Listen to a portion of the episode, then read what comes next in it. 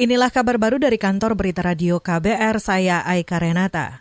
Presiden Joko Widodo melantik dan mengambil sumpah lima orang anggota Dewan Pengawas Lembaga Pengelola Investasi LPI hari ini. Lima nama tersebut telah mendapat persetujuan dari DPR. Sebelum saya mengambil sumpah janji berkenaan dengan pengangkatan saudara-saudara dalam keanggotaan Dewan Pengawas Lembaga Pengelola Investasi Terlebih dahulu, saya akan bertanya kepada saudara-saudara, bersediakah saudara-saudara untuk diambil sumpah janji menurut agama masing-masing? Bersedia. Apabila demikian, harap mengikuti dan mengulangi kata-kata saya. Bagi saudara-saudara yang beragama Islam, demi Allah saya bersumpah. Demi Allah saya bersumpah. Dari lima anggota Dewan Pengawas LPI, dua di antaranya dari pemerintah yaitu Menteri Keuangan Sri Mulyani Indrawati dan Menteri Badan Usaha Milik Negara BUMN Erick Thohir. Sedangkan tiga anggota lainnya berasal dari unsur profesional.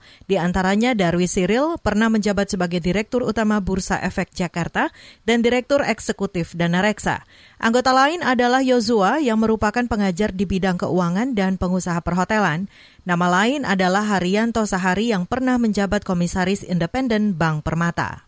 Kita ke lantai bursa. Perdagangan bursa di Bursa Efek Indonesia siang ini bergerak naik turun dari pagi hingga siang. Mengutip data RTI, indeks harga saham gabungan IHSG berada di level 6091 pada jeda perdagangan siang. Indeks melemah 48 poin atau 0,79 persen dibanding saat pembukaan. Sebelumnya, pagi tadi sempat jeblok ke level terendah di posisi 5.998. Lebih dari 370 saham melemah, 90-an saham menguat, dan 140-an saham stagnan. Tekanan terjadi di hampir semua sektor saham. Tidak hanya di Bursa Efek Indonesia, pelemahan juga terjadi di sejumlah bursa utama Asia lainnya. Begitu juga perdagangan rupiah.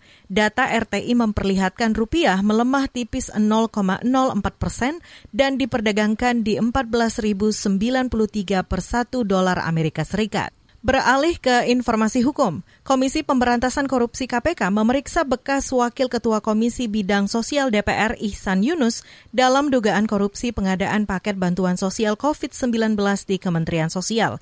Juru bicara KPK Ali Fikri dalam keterangan tertulis mengatakan Ihsan diperiksa sebagai saksi untuk tersangka bekas Menteri Sosial Juliari Batubara. Semenjak kasus ini terkuak, Ihsan Yunus pekan lalu dicopot dari pimpinan Komisi Sosial oleh partainya PDI Perjuangan Perjuangan dan digeser ke komisi lain. Selain memeriksa Isan, tim penyidik KPK juga memeriksa dua bos perusahaan swasta yang diduga terkait dengan perkara itu. Dalam perkara korupsi bantuan sosial, KPK menyita uang 14 miliar rupiah saat operasi tangkap tangan terhadap dua tersangka penyuap Juliari Batubara.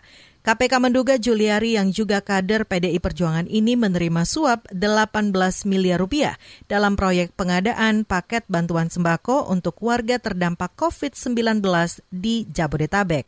Demikian kabar baru dari kantor berita radio KBR, saya Aika Renata.